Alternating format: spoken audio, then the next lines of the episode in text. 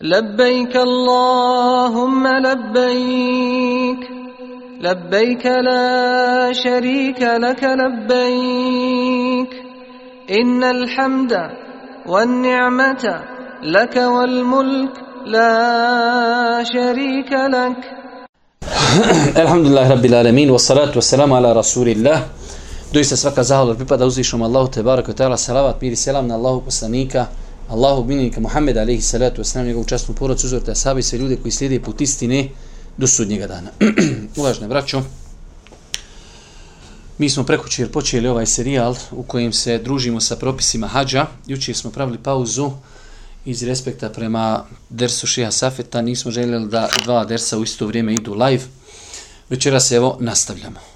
U prošla dva dersa smo pokušali da uzmemo neke uvodne stvari koje su bitne čovjeku da bi shvatio ovu tematiku.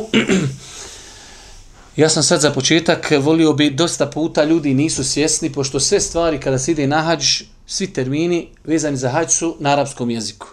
I onda čovjek sjedi i priča drugom čovjek kaže e, bili smo na refatu, pa smo ošli na muzdelifu, smo iz Delise, smo otišli na minu, pa smo bacili džemreta i obavili smo tavaf i poslije toga saj, pa smo se vratili na minu i on od deset riječi koristi osam arapski. I ovaj koji ga sluša, sam viće, ja, ja, fino, fino, a nema pojma šta mu je čovjek rekao.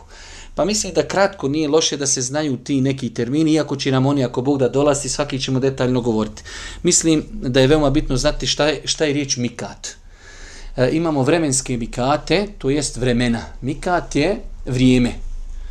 A imamo e, teritorijalne mikate koje čovjek ne smije proći a da nije obukao hrame. Pa imamo iz pravca Medine Mikat, iz pravca e, Nežda, iz pravca Jemena i tako da iz pravca Iraka. Imamo e, pet mjesta koja se zovu Mikati koji čovjek ne smije proći ako je krenuo hađ na umru, a da nije obukao ihram. To mjesto se zove Mikat.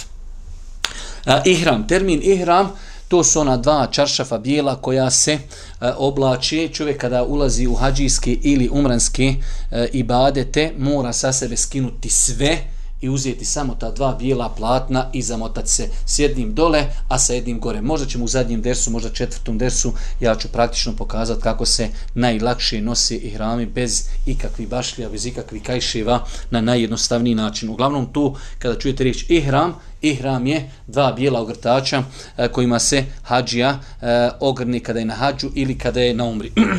E, termin telbija, e, to je ibadet koji se izgovara kada čovjek krene u znači e, propise hađa i umrije. Bili smo na Mikatu, na mjestu gdje se oblači hrami, obukli smo i hrame, sjeli smo u autobus, krećemo, učimo telbiju, lebejk Allahumme lebejk, lebejk la šerike leke lebejk, innal hamde wa ni'mete leke wal mulk la šerike leke. E, taj zikr, znači telbija je zikr, koji se izgovara kada je čovjek u ihramima. Imamo termin tavaf, tavaf je obilazak oko Kjabi, sedam krugova. Imamo tri vrste tavafa, o tome ćemo poslije govoriti. Saj, kao ibadet, to je ono trčanje od Safi do Mervi. Ibadet odlaska od Safi do Mervi se zove Saj. Imamo ta dva brda, Safa i Merva. Safa i Merva su sada trenutno unutar harema, unutar znači oni zidova koji mi kada vidimo sliku, kada vidimo sliku harema, znači unutar harema, nekada davno prija, e, Safa i Merva su bile izvan harema. Tavafiš oko Kjabi unutar harema, onda iziđeš i odeš na Safu i Mervu.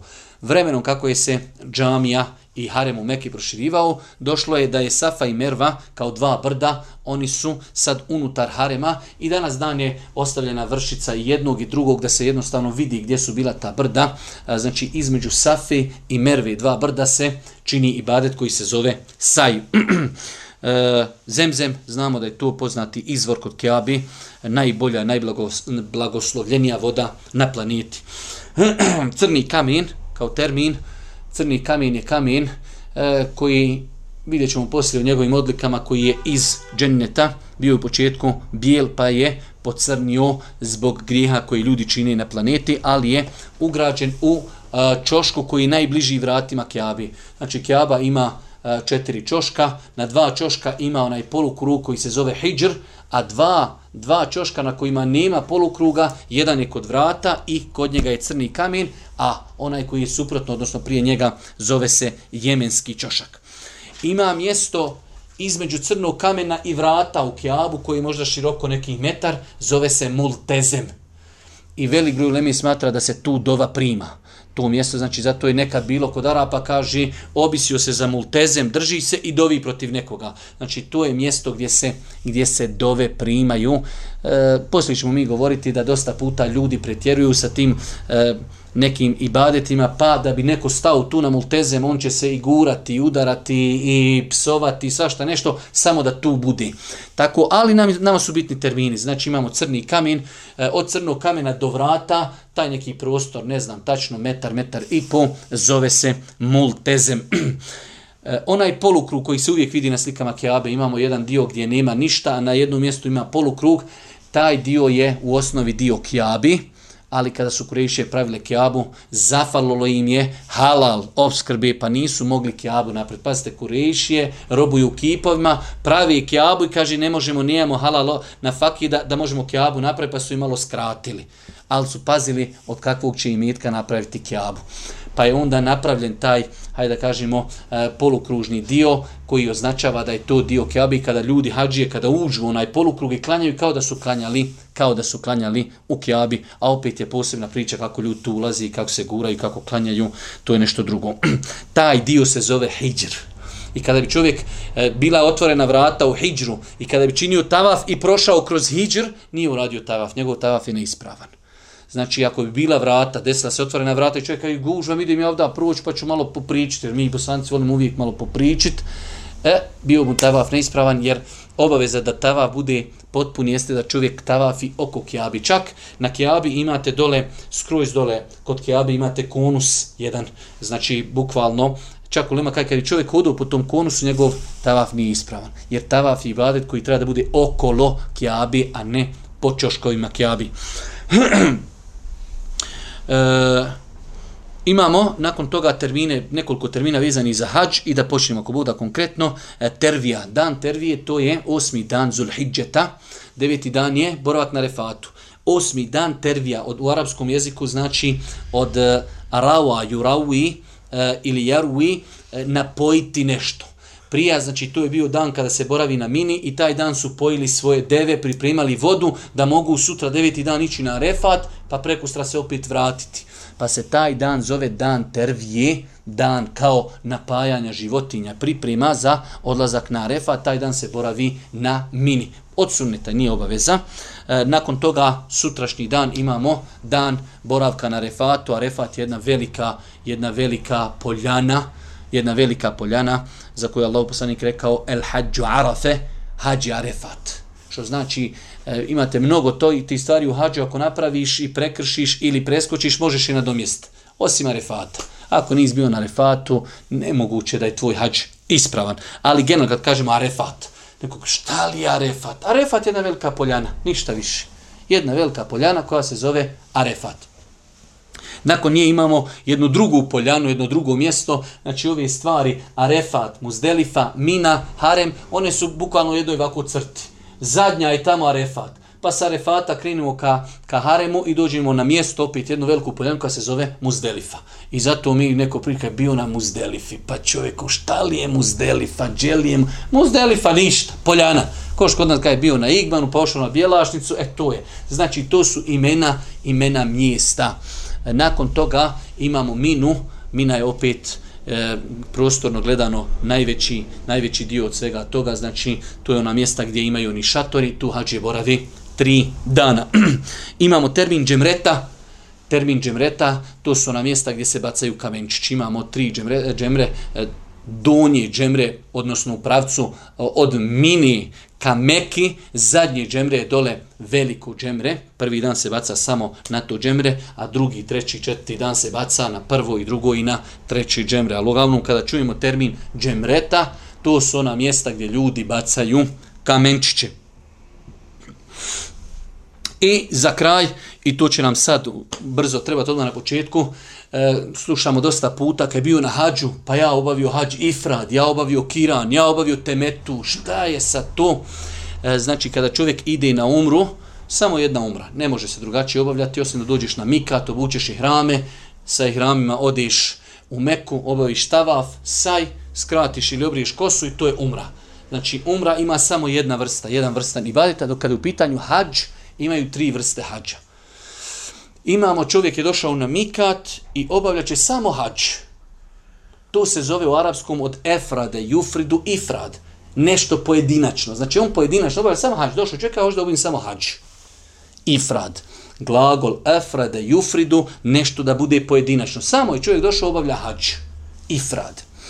Imamo drugu vrstu hađa, to je qiran. Da čovjek obavlja hađ i umru zajedno. Znači, dijela koja bude obavljao za hađ, ona su mu ujedno i dijela za umru. Nima ništa posebno. Znači, on obavlja, samo na početku kaže gospodaru, ja obavljam hađ kiran i hađ i umru zajedno.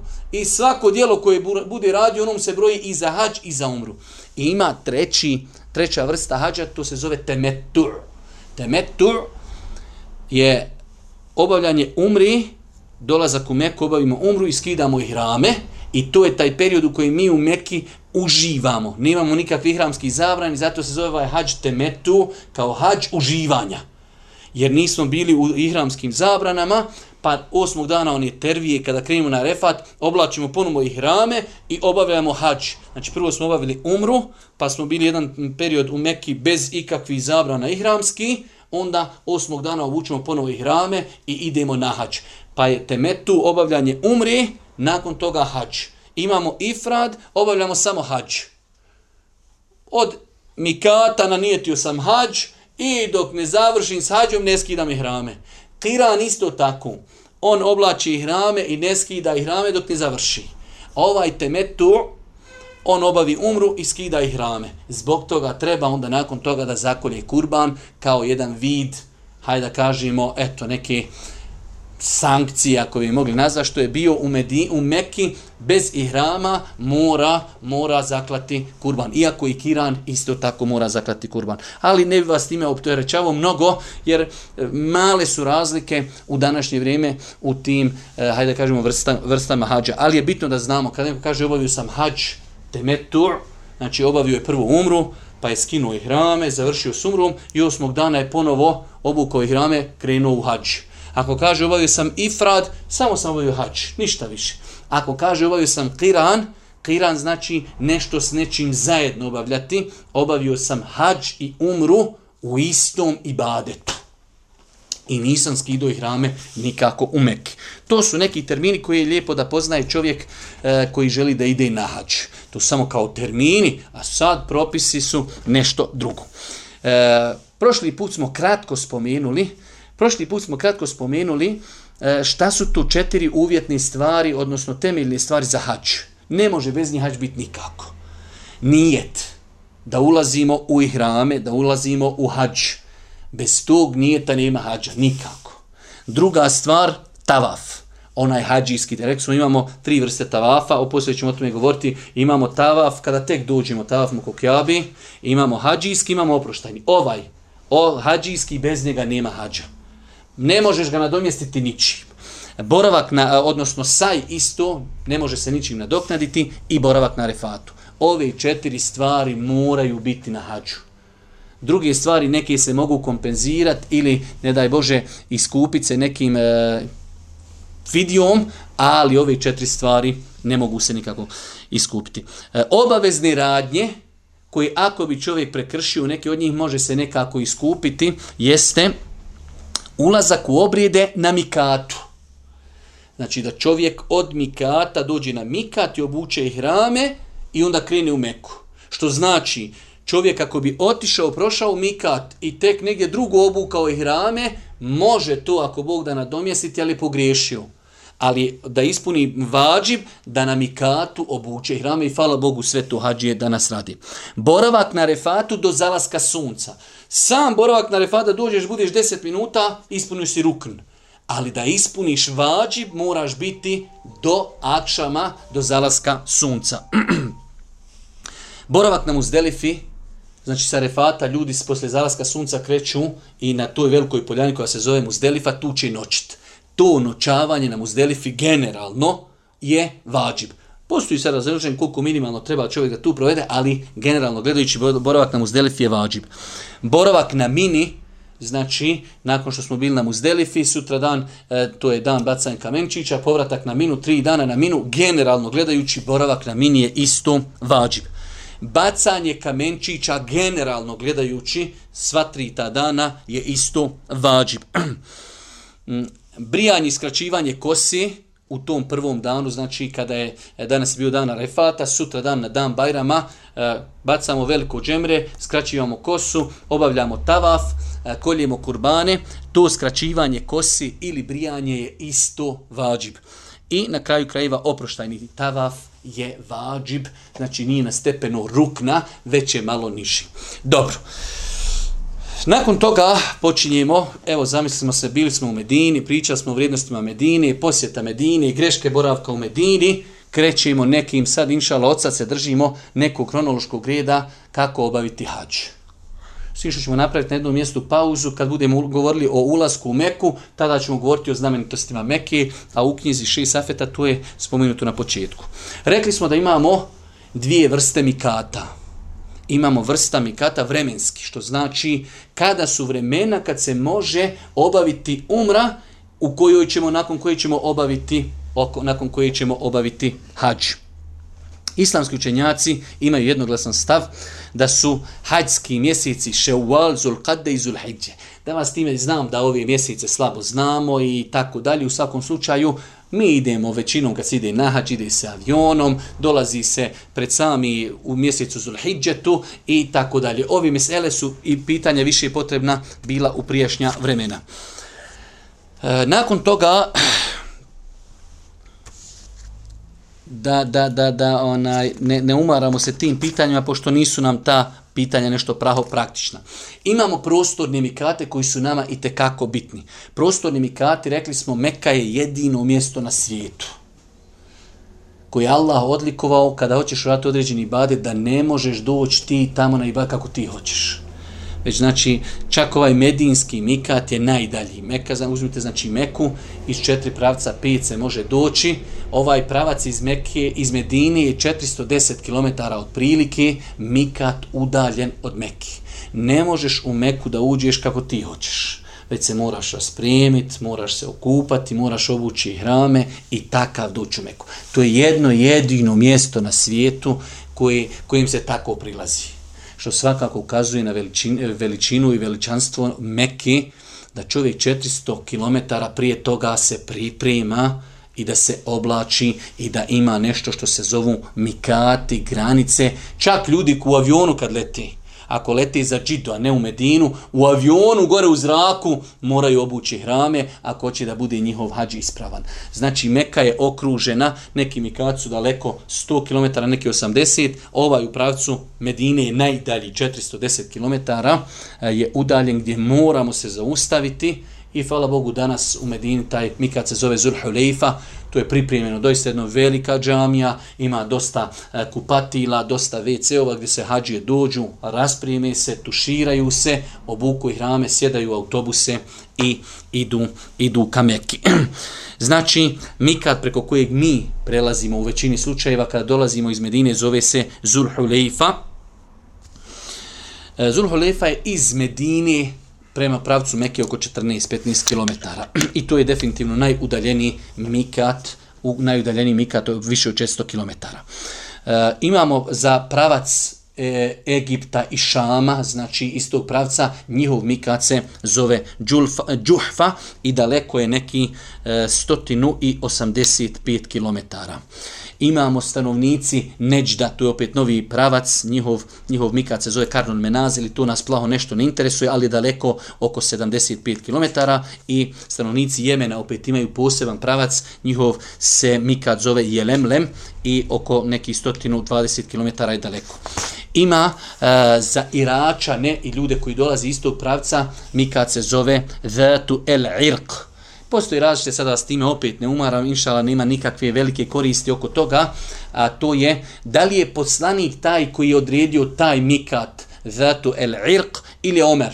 Imaju vjerodostojni hadis da ga je poslanik odredio, imaju hadis da ga je omer odredio. Pa kažu islamski učenjaci nije to kontradiktorno, poslanik je odredio zato el irq, ali Omer zato nije znao. Pa su mu ljudi došli i kažu Omere šta ćemo mi? Pa im Omer kaže vidite E, prostorno neko mjesto koje odgovara drugim mikatima, pa je potrefilo se da to bude udaljenost na mjestu koje se zove Zatul Irq, baš se potrefio Omerov proračun, da je potrefio ono što je Boži poslanik, ali i letu se nam odredio da bude mikat. Ali u svakom slučaju nemamo mi, nemamo mi mnogo potrebi o tim nekim e, stvarima pričati, o tome ulema zaista mnogo neke stvari govori. Ono što je nama interesantno jeste činjenica da čovjek kada krene na hač ili krenuje na umru, iz bilo kojeg pravca da dolazi, mora proći kroz mjesto koji se zove mikat, koje je određeno sunnetom Božih poslanika, ali se letu se tu se zaustaviti, raspremiti se totalno, pa čak i donji veš i uzeti dva ihrama za ogrnutu se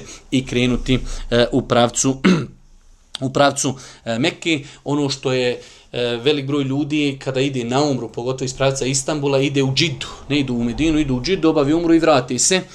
E, oni u tom momentu prelazi preko jednog mikata, oni u avionu moraju već na aerodrom da su obukli hrame i onda kad im gore posada kaže sad zanijetite da zanijete. Znači pogledajte koliko je precizan propis, možda jedno 15-20 minuta prije slijetanja u džidu čovjek mora biti obučen u hramima, pogotovo što avion brzo, mnogo ide brzo, mora čovjek već možda i na aerodrom obući hrame i sjetiti kad oni reknu sad da smo iznad mikata da zanijeti ovaj veliki ibadet.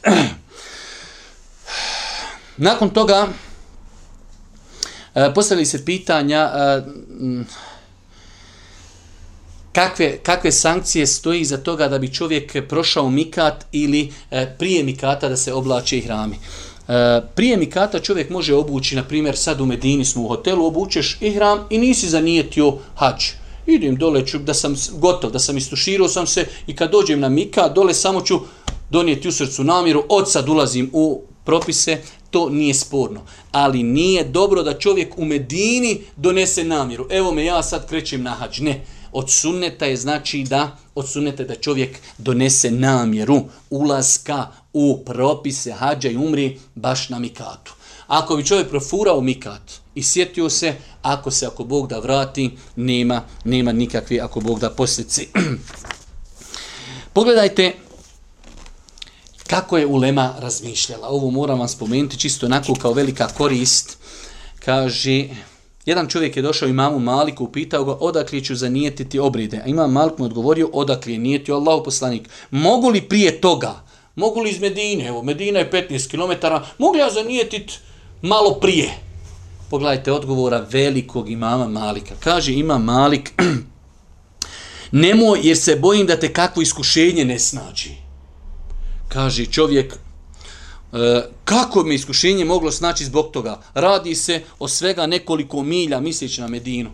Kaže, pa mu je ima Malik citirao ajet fel jehdheril ledine juhalifuna nemrihi en tusibehum fitnetun eu usibehum adabun elim neka se pripazi oni koji postupaju suprotno naređenju njegovu poslanikom da ih iskušenje kako ne stigne ili da ih patnja bolna ne snađi. A potom Malik reče koji je iskušenje veće od toga da smatraš da si vjeru potpunju a da poslanik ali i selam nije ispunio svoju misiju ili da smatraš da je tvoj postupak bolji od onoga što je odredio uzvišeni Allah njegov poslanik. Pogledajte, sitnica, to uopšte nije sporno šerijetski. Sad u Medinu da kažeš, da se ne bi zaustavio na mikatu, je, oblačim ihram, evo sad ću odmah zanijetit, idem za Meku. 15 km, to voziš se 10 minuta sa autom danas. Kaže, bojim se. Pogledajte koliko su učenjaci pazili na sunnetke. Bojim se za tebe smutnje. Da ne pomisliš da si bolji musliman od poslanika. Da ne pomisliš da vjera nije upotpunjena, pa ti sad nešto novo donosiš. Znate, koliko su, koliko su bili precizni, koliko su slijedili poslanika. Zašto onda veli poslanik nije obuku u Medini? Ti misliš da si bolji od poslanika? Danas ti kad nekom i na jasnu notariju, notarija 100%, ukažeš, halo, kod vas je sve haram, u vas sve nešto nova vjera i tako dalje. Pogledaj mama Malika kako rigorozno čovjeku odgovara. U pitanju koje uopšte nije nešto mnogo teško. Kaj, bojim se da ne pomisliš, kaže, da vjera nije upotpunjena. Kao ti nešto trebaš dodati novo. Bojim se da ne pomisliš da si bolji od poslanika, alihi salatu wasalam. Što znači Definitivno, bez obzira, svi ljudi kad idu na hađ, autobusi zaustavljaju iz Medine, krenu, zaustavi se na Mikatu, ostaje se ljudima pola sata vremena da odu u tuš kabine, ako hoće istuširati, ako se nisu tuširali u hotelu, da skinu svoju odjeću, da obuku e i hrame. Ono što što je interesantno, velik broj ljudi ne zna, samim oblačenjem ihrama nismo ušli u obrede. Ovo velik broj ljudi ne zna. Znači čovjek se može desiti, na primjer, miris je zabranjen u periodu dok smo u ihramima. Ali ja obuku ihrame još nisam stupio, još nisam srčanu namjeru donio. Dođem u autobus i još se mogu namirisati po tijelu, ne po ihramima. Jer još zabrana nije nastupila. Zabrana nastupila onog momenta kada ja sjedim sam kažem u srcu od sad ulazim u ihramsku zabranu. Od sad ulazim u ibadete hađa. Ja otišu u WC ovu ihram, još ja ništa nisam. Onog momenta kad sjednem ja u autobusu, sam sasvom kažem, el an, sad, lebejke Allahumma hađem, gospodar, odazivam ti se hađem. Od tada počinje. Znači, odlazak u kupatilo, možeš sjediti, možda čekaš, neko se izgubio pola sata, još nisam zanijetio, još mogu odrezati nokat, još mogu brkove potkratiti, još mogu nositi kapu na glavi, onog momenta kada kažem lebejke Allahumme umraten, gospodar odazivam se umrum, ili lebejke Allahu hađen, gospodar odazivam se hađem, onda počinju na nas da se odnosi propisi ihrama. Nakon toga, znači rekli smo termin šta je to ihram? Ihram, to su dva bijela platna, jedan pokriva donji dio, jedan gornji dio ljudskog tijela muškog. Muškarci imaju ihrame, žene nemaju ihrame. Nažalost, e, velik broj naših e, žena koji ide u nahač misle da i žene imaju ihrame pa nose bijelu odjeću koja je nerijetko prozirna.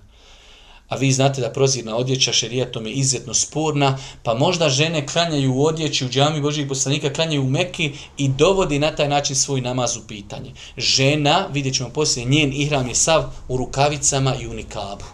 Ostalo može nositi crnu mahramu, crni džilbab, e, sivi džilbab, plavi džilbab i tako dalje, nema potrebe da nosi nešto samo istrično bijelo, pogotovo što u većini slučaja ta bijela odjeća je prozirna. Pa pogledajte šta znači neznanje. Stotine, možda hiljede žena oblači kao imaju neki ženski hrami koji su bijeli od onog lana ili od bijelog platna, prozirni i žena klanja u takvom platnu i Allah najbolji zna, neće reći neispravan namaz, ali dovodi svoj namaz u pitanje.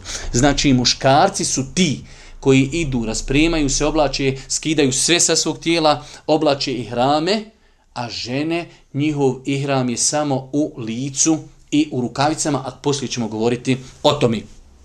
Dobro, ihrami ne moraju biti novi, lijepo je da budu bijeli. I svi hrami ljudi su bijeli, ali kad čovjek ne bi našao bijeli ihram, da Allah oprosti nekad privakio kad sam išao na hađe, ali moraš ići, nemaš dozvoli, pa moraš se sakrivati od policije. E, policija na, na, na ovim, e, ta, kako se to zove, e, checkpoint, znači prijetresima gdje su, oni sam gledaju auto jesi li bijel, ako si bijel daj dozvol, nisi bijel, puštajte. Ja uzmem crne hrame, zamotam se u crne hrame i pravo na policiju.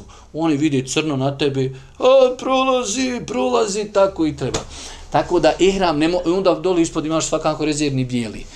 E, ihram ne mora biti bijel, ali odsunete da bude bijel, ali u ovo govorim iz razloga da se djevci, a inšal ne teško se desiti, čovjek ne može naći bijel ihram, nađe komad platna, plavog, zelenog, žutog, bilo kakvo platno da se zamota, njegov inšala ihram je ispravan, apsolutno. Čak ne mora biti nov. Čovjek krene na hađ, prošle godine neki hađa išao na hađ, ima ihrame, jer se ti ihrami koriste dan, dva, oni su novi uzmeš od nekog ihrame, nije ništa sporno. Šta je lijepo uraditi prilikom ihrama? Prva stvar, okupati se. Znači, okupati se, velika, velika većina islamskih činjaka smatra da čovjek kada stupa u hrame, lijepo je da se okupa. Lijepo, nije obaveza. Može to kupanje obaviti tu, na mikatu, jer je to pripremljeno. Zaista stotine, stotine e, toaleta ima i tuš kabina, a, a može to urati i u Mekiju, u Medini, u hotelu, istušira se kada dođe na mikat, samo lijepo obuče, lijepo obuče ihram. Interesantno što me iznenadlo kao podatak, ima malik ovo kupanje smatruje na većem stepenu od kupanja petkom. Vi znate za petkom da ima dio leme, jak dio leme koji kaže da je kupanje petkom vađib. Ima malik je smatruo da kupanje povodom ihrama je na još većem stepenu. Tako da e, ono čovjek treba da to kupanje obavi, ali ako ne bi obavio njegov, njegov ihram je definitivno ispravan.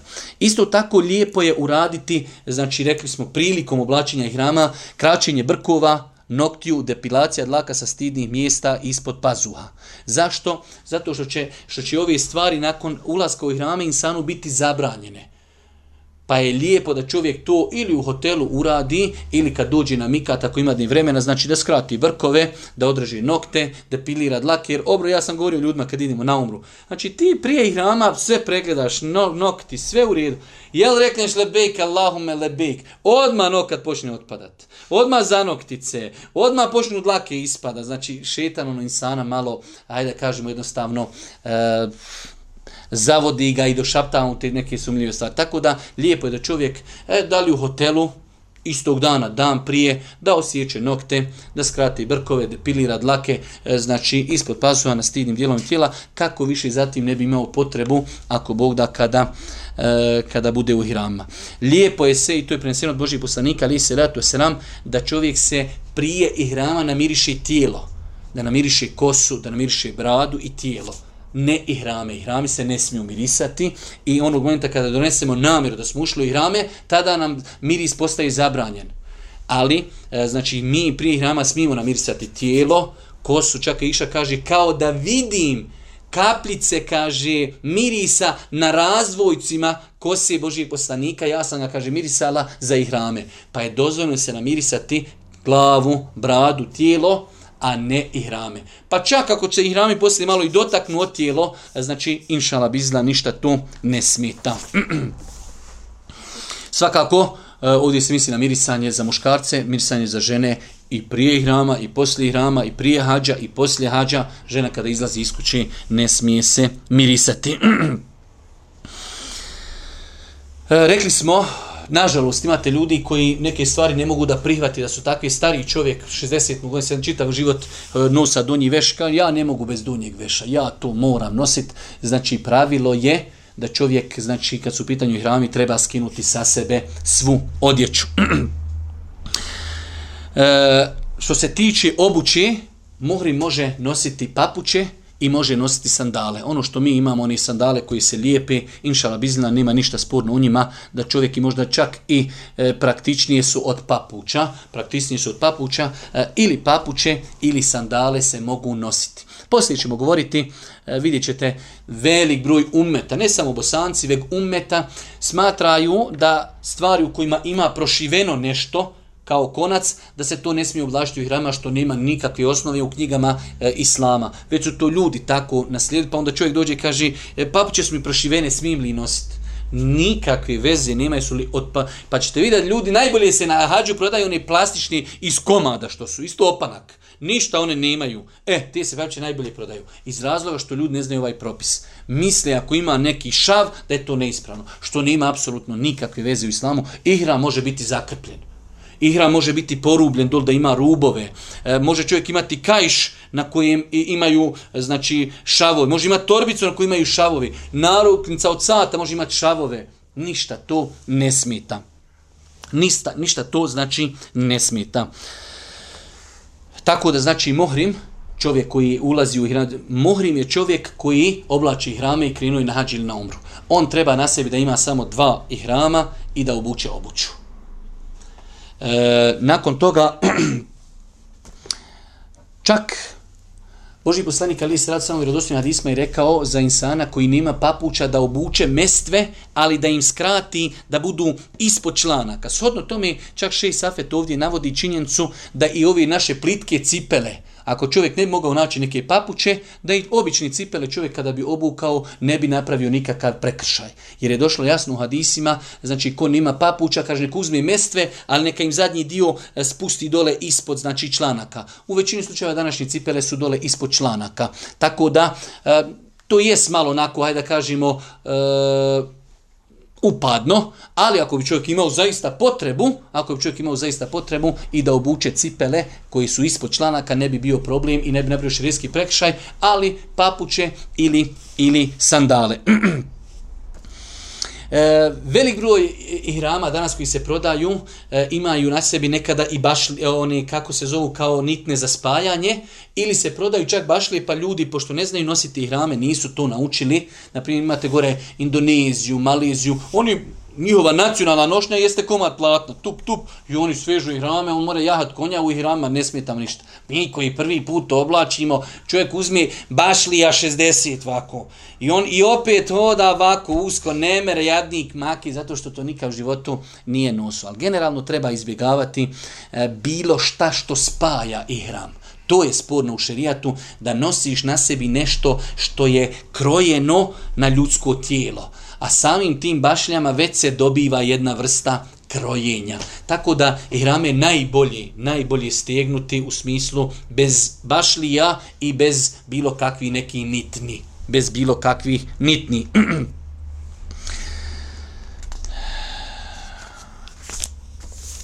Nakon toga, mi smo, evo, zamislimo, krenuli smo iz Medine, inša Allah, krenuli smo iz Medine, e, neko će nam održati neki govor do Mikata, pojasnit ćemo ove propise, dolazimo na Mikat, izlazimo iz autobusa, uzmemo svoju kesu, idemo u toalet te boksove, skidamo odjeću, obukli smo ih rame, prije toga smo odrezali nokte, skratili brkove, depilirali dlake, dolazimo u autobus, namirišemo se i tada, tada, hajde da kažemo, e, tada donesemo tu formu i kažemo lebejk Allahumma hađen, gospodaru odazivam se hađem i od tog momenta počinju zabrane. E, da, li, da li kad se vratam, vraćamo iz tih tuš kabina, da li klanjati dva rekiata tu na Mikatu, Medini, u Zulhulefi, ima jedan ogroman mesečit. Ogroman mesečit i mm, velika većina, apsolutna velika većina hađija tu zaustavlja se, klanja dva rekiata nakon ihrama. E, o tom pitanju ovdje Ši Safet je detaljno govorio, velika većina učenjaka kaže da se nakon ihrama, kad god da si došao, u 9. zajtra, u 10. u 11. u 3. u 5. u 10. na veći, kad god dođeš obuku si ihrame, klanjaj dva rekiata u autobus i idi. Ali sunnet Božijeg poslanika ne potvrđuje to mišljenje. Jer Božiji poslanik je krenuo iz Medine, znači došao je tu, došao je tu, e, potrefio ga je namaz, pa je klanjao nakon ihrama taj namaz i krenuo je. Tako da e, Allah najbolje zna. Ja sam stava i to stav, to je stav je preferirao Šej Safet, to je stav Ibn Tejmije, Šeha Usemina i, i Šeha Albanije i drugi neki učenjaka. E, ne postoje dva rekiata pe, specifično vezana za ihram. Ako bi čovjek klanju nije nešto napravio nikakav prekršaj, velika, apsolutno velika većina u Leme kaže da se nakon ihrama klanja i dva rekiata ako bi čovjek klanjao, nije pogriješio. Ali ako hoće baš da se drži sunnete Božih poslanika, ako je nastupilo neko namasko vrijeme, podni namaz, hajmo klanjati podni namaz, dva rekiata, imamo autobus po meni to najispravnije. Ako se zadrefilo namasko vrijeme, klanja dva rekiata, ić. Mimo toga obučem i hrame u autobus idem. Ali, ako neko klanja, znači velika, apsolutna velika većina islamskih učenjaka, umeta, historije, govorila je da se klanjaju ta dva rekiata, iako gledam s aspekta dokaza, dokazi su u, u, za to mišljenje slabi. Nakon toga,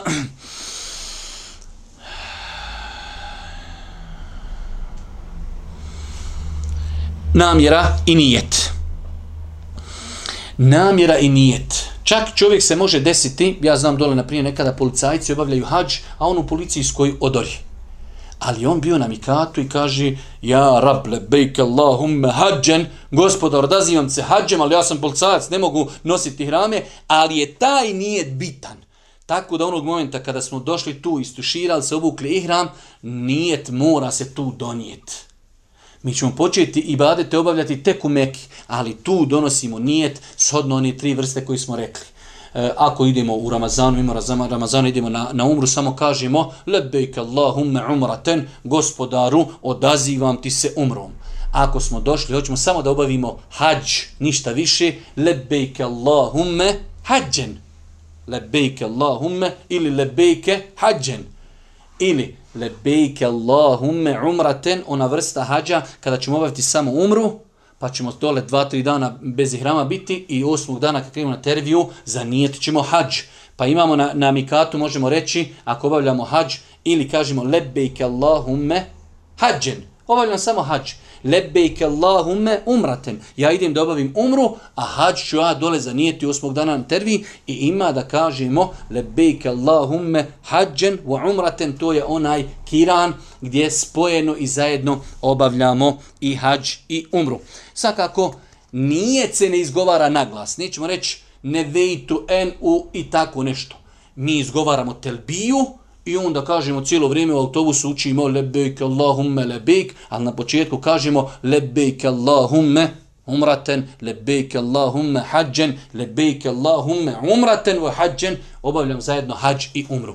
Ali nema nijeta da izgovaramo nijet kao što ono za namaz, pa nijet i za ihrame. Čak hanefijski učenjaci, evo Ibn Nunđim, to je poznati iz učenjaka hanefijske škole, izgovaranje nijeta novotarija je u svim e, e, ibadetima.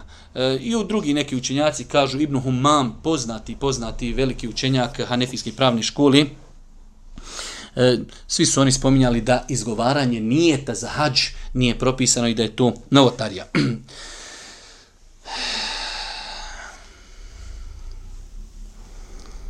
Imam ovdje jedno bitno pitanje, pošto sam ja bio dosta puta vodič, pogotovo za umre, žene koje su došle na Mikat, a u Hajzusu.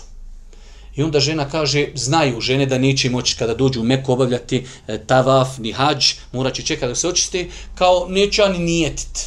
Žena mora tu na, na Mikatu donijeti namjeru. Lebejke Allahumme hađen. Ja, rab, odazivam ti se hađom, lebejke Allahumme umraten, gospodar, odazivam ti se umrom. Mora ona ući u hađ, u, u, odnosno u nijet, mora donijeti nijet da je krenula. Na nju se odnose ihramske zabra, ne smije nositi rukavice, ne smije nositi nikab, ali ona kada dođe dole neće ništa obavljati dok se ne očisti. Ali to što neće dole ništa obavljati nije razlog da ne uđe u, u propise i time se napravi velik broj žena napravi grešku, pa ono ja nisam čista, ja što dole. Pa se znači mora donijeti namjera na mikatu bez obzira bila žena čista ili bila žena u mjesečnici, isto moraju donijeti namjeru i na njih se isto odnosi i hramski zabrane. e, određen broj ljudi E, možda vi to niste primijetili, ali čovjek kad ide na hađ vidi mnogo nepravilni postupak, zato što smo rekli, kad smo tek govorili prvo, prvo predavanje, neznanje. Čak su neki učenjaci govorili, ako hoćeš da vidiš neznanje umeta, dođi na hađ. Pa ćeš vidjeti što ima. Pa imate ljudi kad dođu na mikat, obuku i hrame i odmah otkriju desno rame, e, što nije propisano. Čovjek treba i hrame obući preko ramena kad dođe da obavlja prvi taj tavaf koji se zove pozdravni tavaf, tada će otkriti desno rame. Pa znači otkrivanje desnog ramena nije propisano na mikatu. nakon toga, nakon ulaska u hađijske obrijede izgovara se telbija.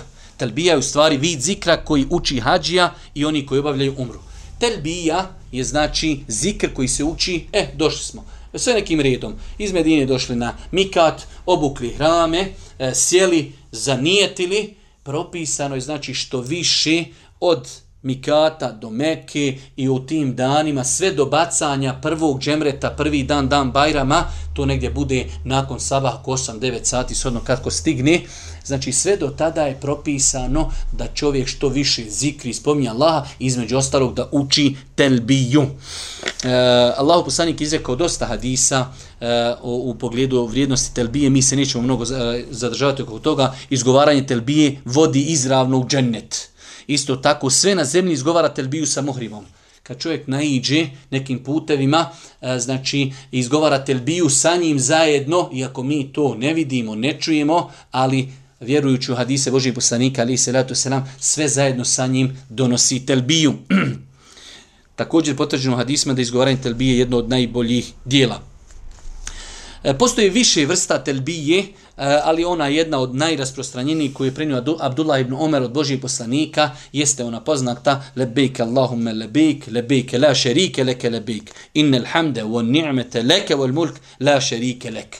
To je neka vrsta telbije koja je najrasprostranjenija, iako postoje i neke druge vrste telbije. E, vrijeme učenja telbije, telbija se uči nakon donošenja nijeta i nakon što se sjedne u prijevozno sredstvo.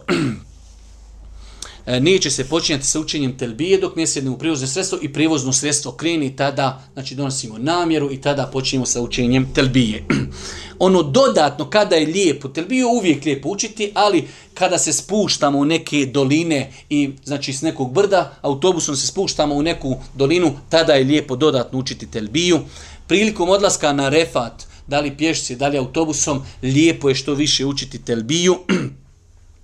Kada se kreni sa refata, pa sve do bacanja kamenu, znači sa refata se kreće s akšama, pa će se noćiti na muzdelifi, pa se sutra dan ide bacati to veliko džemre i taj dan se, znači, brije glava, skidaju se i hrami. Sve do bacanja džemreta tog dana propisano je da se što više telbije uči.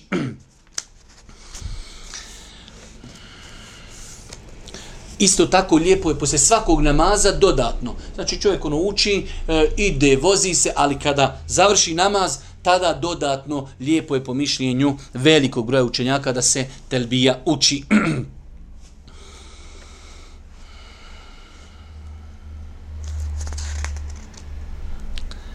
Nakon toga, što se tiče muškaraca, pohvalno je da se uči telbije na glas.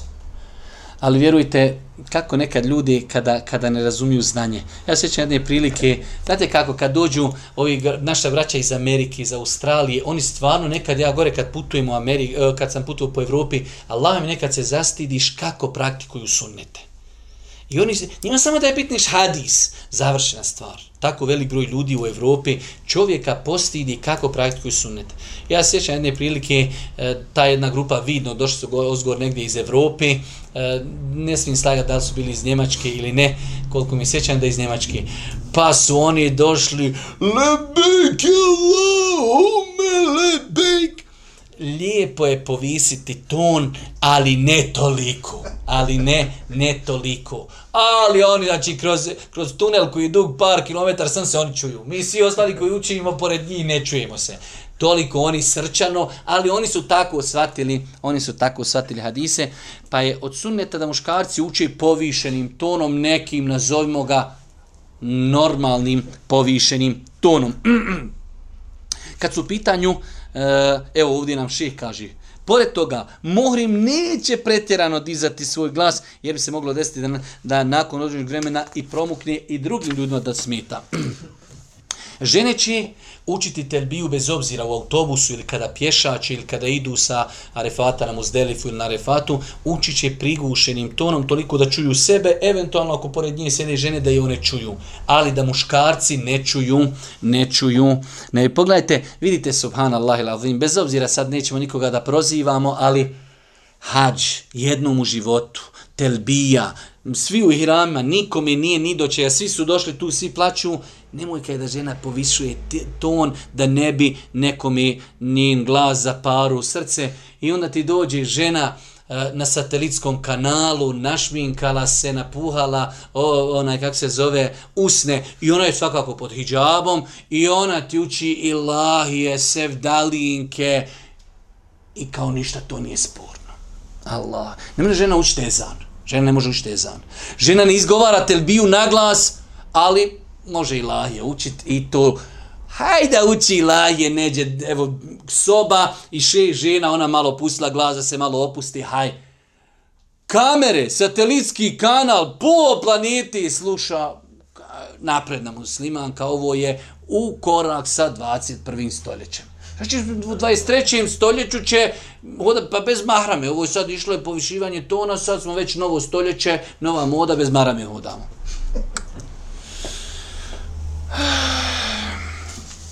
Pohvalno je da znači uz izgovaranje telbi kako smo napomenuli čovjek i rekne koji obrid obavlja i mi smo to spomenuli imamo tri vrste hađa i čovjek treba već od onog momenta kad boraju u Medin da odredi šta će hoću samo obavljati hađ pa da kaže lebeke hađen gospod organizam se hađem, ili da kaže lebejke, lebejke Allahumme umraten, idem prvo na umru, to je taj temetu, pa ću dole nastaviti hađ, ili da kaže lebejke umraten u hađen, ili hađen u umraten, zajedno ću obavljati hađ i umru. ono što ja znam da je to malo i poteško, ali nije propisan se telbija izgovara zajedno. Ja znam kako je najljepše i najlakše, nije najljepše, najlakše izgovara telbiju zajedno. Ljudi u autobusu, sam kad jedan krene, ko što se im ne poredeći, kad je onaj u avionu ono, pjevo gori krilo našeg aviona.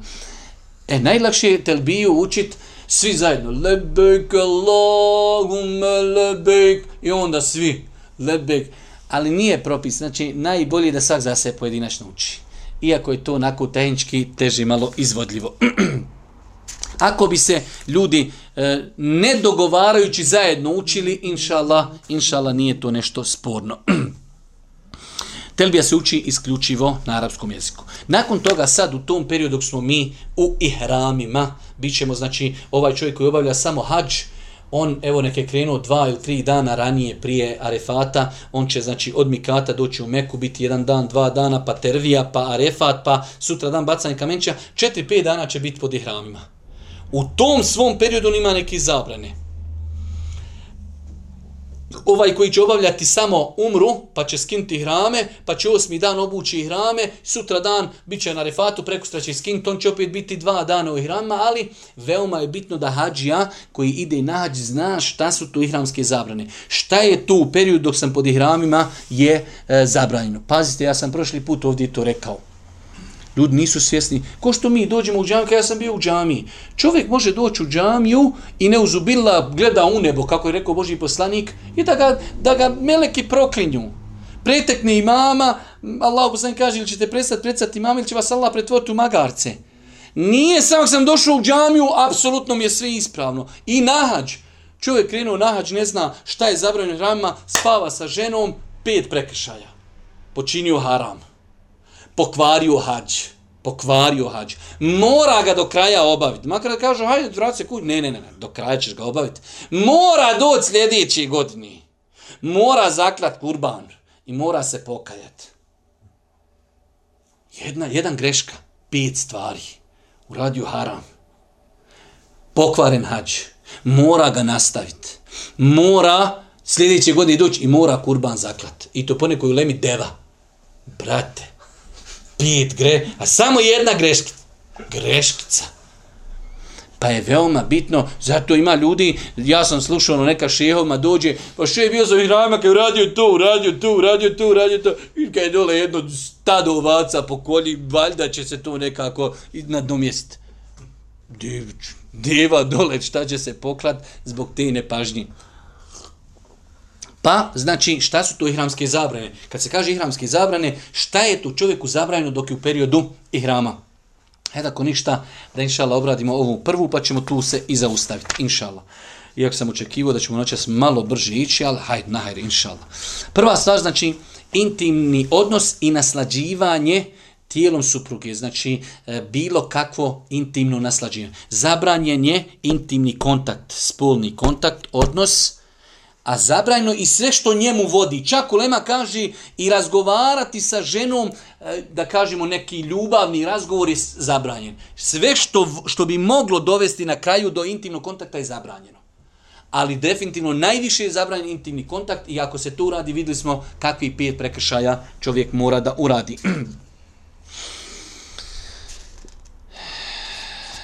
ništa neće pokvariti hađ osim intimni kontakt. Dok druge stvari ako uradi, napravio, hajde da kažemo, neke zabranje. Pa je zabranjeno, kao što kažu islamski učenjaci, poljubac, požudan dodir, naslađivanje ženim tijelom i tako dalje.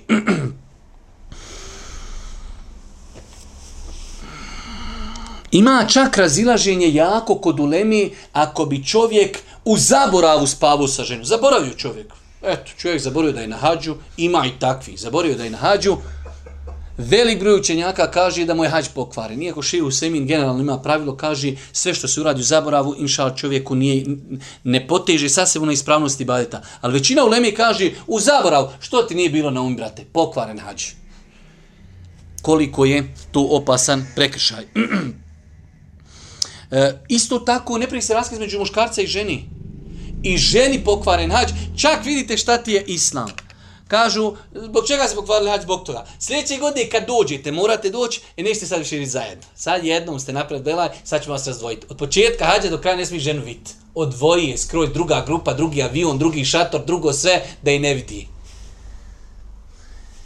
To je znači, e kaže ovdje ovo je interesantno, inšala, biznila, mislim da ćemo tu i, i stati ovdje kod brijanja kosi.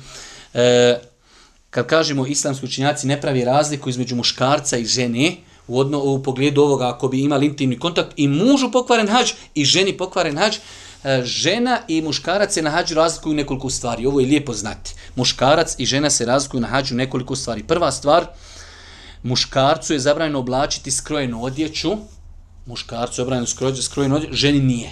Žena može skrojenu odjeću da nosi znači džilbab, da nosi košlju, da nosi suknju, dok muškarac ne smije nositi ništa što je skrojeno. O tome ćemo sad govoriti šta znači skrojeno.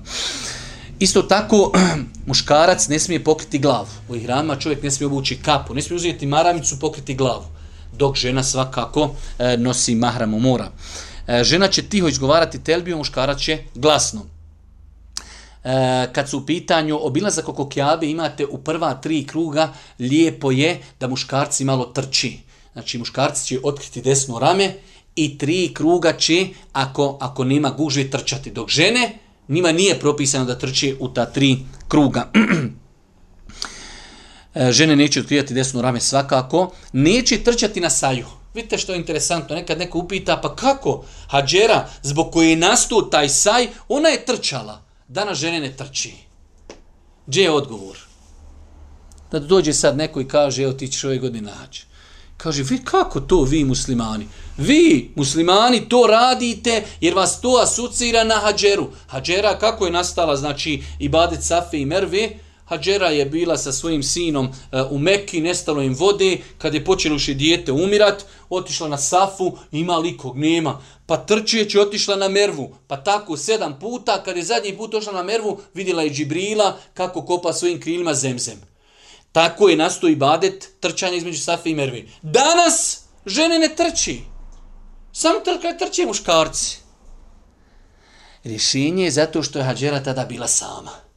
Pa je ona tada trčala, žene danas trče, znači žene obavljaju hađ zajedno sa muškarcima, pa je samo taj ibadet propisan muškarcima. Imaju zelene lampe koje su stavljene i samo muškarci trči, a žene idu e, znači lagano i to je jedan od propisa gdje se muškarci razlikuju od žena, da žene na saju, znači između Safi i Mervi ne trči, za razliku od muškaraca koji trči. e, muškarci na hađu imaju verziju da obriju glavu i da skrate kosu, žene ne imaju verziju da, da briju kosu, mogu samo da skrati, da skrati e, kosu.